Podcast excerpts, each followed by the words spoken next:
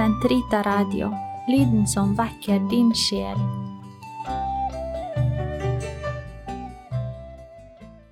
Kroppens teologi, en kommentar til pave Johannes Paul 2.s onsdagskatekeser av Eirik Ambrosius Stenhoff. Totus tuus ego sum, et omnia mea tua sunt, archipio te in mea omnia, prebe mi cor tum Maria. Episode 17 Sakrament og mysterium Ekteskapet i Guds plan. Katekesene 94 til 102 Del 1 Mysteriet skjult fra opphavet av. Katekesene 94 og 95 I hvilken forstand kan vi snakke om ekteskapet som et ursakrament? Hva er forholdet mellom denne statusen som ursakrament og statusen ekteskapet har som eh, et av kirkens syv sakramenter? Og hva er forholdet mellom begrepene sakrament og mysterium? I hele denne episoden skal vi se på hva det vil si at ekteskapet, som en del av Guds plan for menneskeheten fra opphavet av, kan sies å være både et sakrament og mysterium. I forrige episode så vi på Efeserbrevet kapittel 5 versene 21 til 33, som etablerer en analogi mellom Kristi kjærlighet til kirken og mannens kjærlighet til sin hustru. Analogien mellom Kristi kjærlighet og ekteskapets kjærlighet belyser på samme tid ekteskapets eh, betydning og Kristi frelses mysteriums betydning. I denne første delen av episoden skal vi se på hva pave Johannes Paul 2. sier om begrepene sakrament og mysterium. Deretter utbroderer vi hva ekteskapsanalogien betyr eh, i Efeserbrevet, med eh, den klangbunn det har i den gammeltestamentlige eh, profetlitteraturen. I neste del ser vi mer på hva det vil si at ekteskapet er et ursakrament. Alt i forrige episode så vi at begrepene sakrament og mysterium ikke er synonymer. Ordene er fra henholdsvis latin og gresk, sacramentum og mysterion. Paven har en fyldig fotnote som lar oss forstå opprinnelsen til begge ordene. Ordet mysterion betyr opprinnelig hemmelighet, eller det som er skjult, men som paven påpeker, antar det i nytestamentlig sammenheng også en, eh, en ny betydning. Mysteriet er nettopp Guds skjulte plan fra evighet av, men oppfylt og åpenbart for oss eh, i eh, Kristus, gjennom Kristi åpenbaring. Ordet dukker opp i flere av Paulus brev, som på slutten av romerbrevet, kapittel 16, versene 25-26 hvor Paulus skriver om eh, Kristi forkynnelse, Jesu Kristi forkynnelse i henhold til åpenbaringen av det mysterion som var holdt skjult i lange tider, men nå er blitt åpenbart. I Efeterbrevet er mysterion identifisert både med evangeliet og med Kristus selv, i ulike kontekster. Mysteriet betegner i denne nye eh, kristne ordbruken Guds frelsesplan, og dermed også de, de hendelser i frelseshistorien som åpenbarer Guds skjulte vilje for mennesket. I den latinske verden ble mysterion oversatt både til mysterium, men også stadig oftere til sakramentum, eh, kanskje til dels som et forsøk på å ta avstand fra noen av senantikkens Eh, hedenske mysteriereligioner. Ordet sakramentum har en særskilt etymologi, sier paven. Opprinnelig betegnet det ordet den militære eden som en romersk soldat avla. Gjennom eden ble soldaten innviet inn i et nytt liv, hvor man tjente hæren på en trofast måte, eh, selv inntil døden.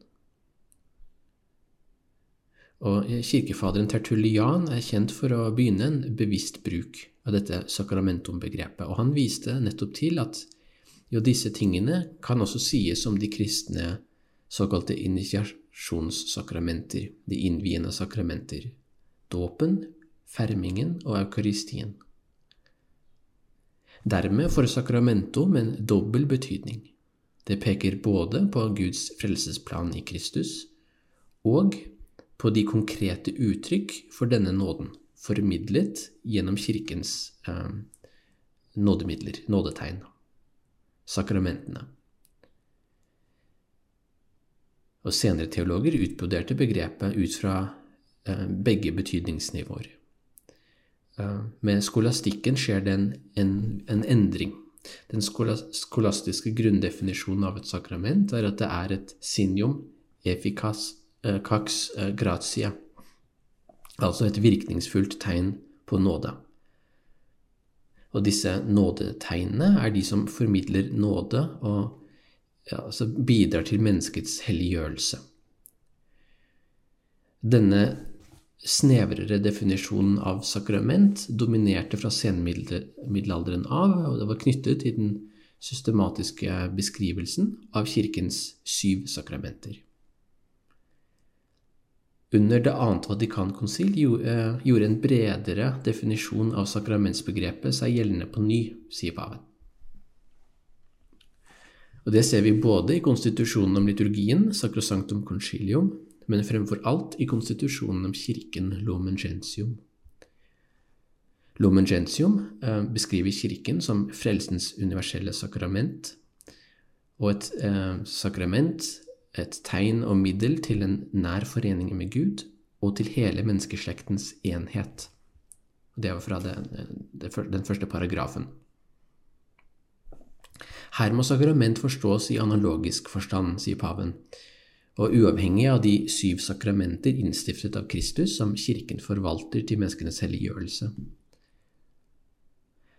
Paven bemerker til slutt i fotnoten her at han selv kommer til å anvende begrepet sakrament i tråd med den opprinnelige betydningen av ordet, altså som oppfyllelsen av den evige guddommelige plan for menneskehetens frelse, eller åpenbaringen av den.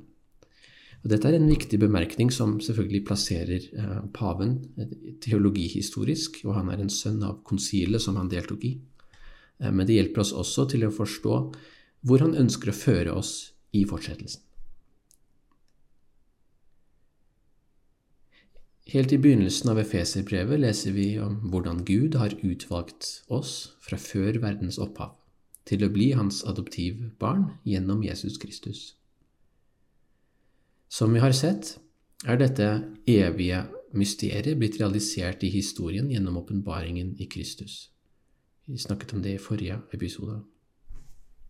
Resten av brevet dreier seg eh, tilsynelatende om moralske befalinger til ulike ulike grupper innenfor kirken. Men vi må merke oss, sier paven, at forfatteren av Efeserbrevet stadig vender tilbake til, til, opprinnelsen, til begynnelsen av brevet, men til uh, begynnelsen på det hele, nemlig mysteriet. Mysteriet som nå er blitt åpenbart og er virkningsfullt uh, i mennesker gjennom dåpens nåde. Å være en kristen er ikke bare knyttet til åpenbaringen i Kristus, som vi så mottar i tro, men å være en kristen eh, betyr også å være innlemmet i den sakramentale orden, sier paven. Det er fremfor alt Kristus selv som er kjernen i mysteriet. Begynnelsen av Efeserbrevet fremhever hvordan det er i Kristus at hele menneskeslekten, før skapelsen av verden, er blitt utvalgt, predestinert. Og det er, som vi så i forrige episode, grunnlaget for analogien mellom Kristi kjærlighet til kirken og mannens og konens kjærlighet til hverandre i ekteskapet. Paven inviterer oss til å trenge dypere inn i dette mysteriet på bakgrunn av ekteskapsanalogien. Som han sier, er ikke Feserne 5, 22-33, som vi holder under lupen her, en tekst som kommer ut av det blå. Den har en forhistorie og konkrete forbilder i Det gamle testamentets visdoms- og profetlitteratur og eh, dets poesi. Flere av profetene snakker om Guds kjærlighet til sitt folk ut fra en slik ekteskapsanalogi. Jeg skal også komme tilbake til særlig Hosea senere i onsdagskatekesene. Paven fokuserer her på ett tekststed fra profeten Jesaja, eh, kapittel 54, versene 1-10.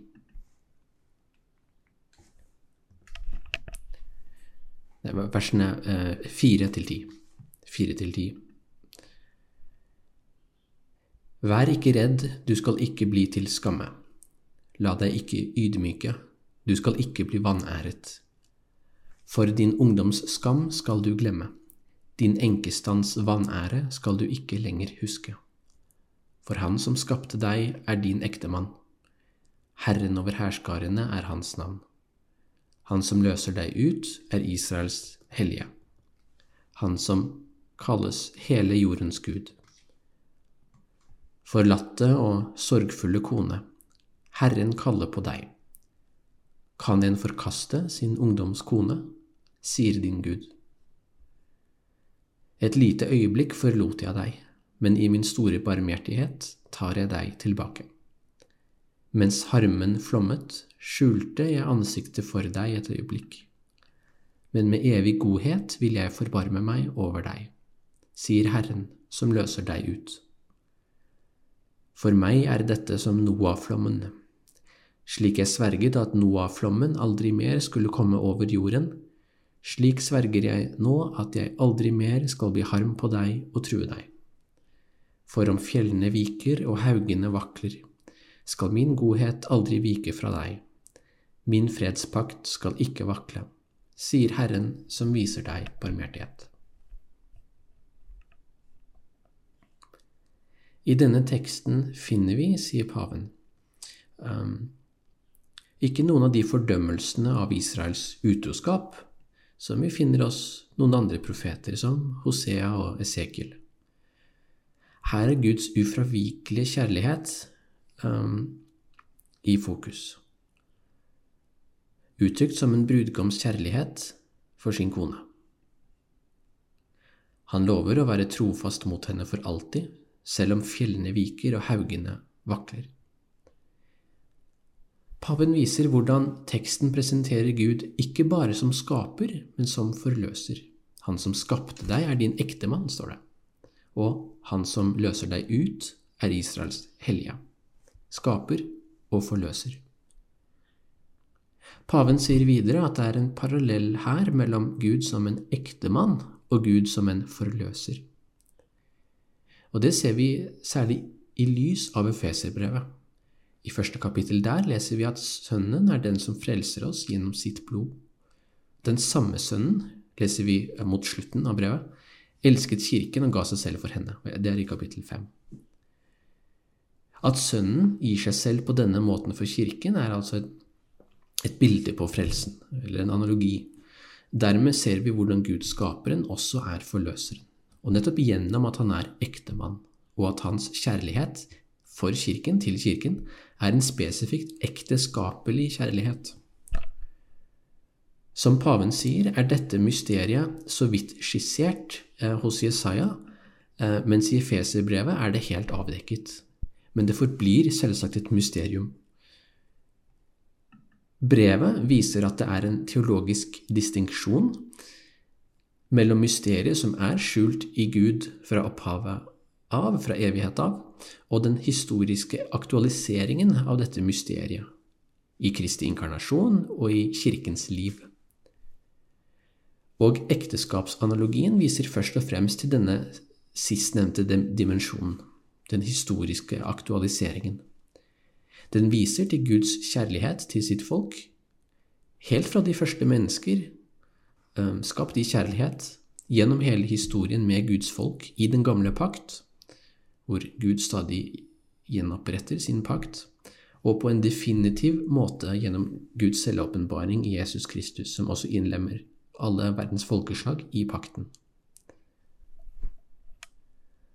Paven sier sitat, Analogien med ekteskapelig kjærlighet lar oss forstå et stykke på vei det mysterium som var skjult i Gud fra evighet og som realiseres i Kristus som den kjærlighet som hører til en fullstendig og ugjenkallelig gave av seg selv, av Gud til mennesket i Kristus. Sitat slutt.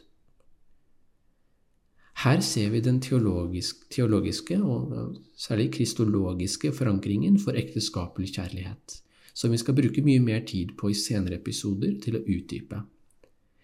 Ekteskapelig kjærlighet er et uttrykk for den kjærlighet som Gud har elsket oss med først. Analogien beskriver som sagt en realitet. Analogien er ikke bare en metafor eller en slags poetisk vending. Den beskriver ekteskapelig kjærlighet som en gave som er, som paven sier, total og ugjenkallelig. Og denne analogien går altså to veier, som paven alt har sagt. Den lar oss forstå både det nådens mysterium som var skjult hos Gud fra evighet av og åpenbart i Kristus, og ekteskapet mellom mennesker i historien, her og nå.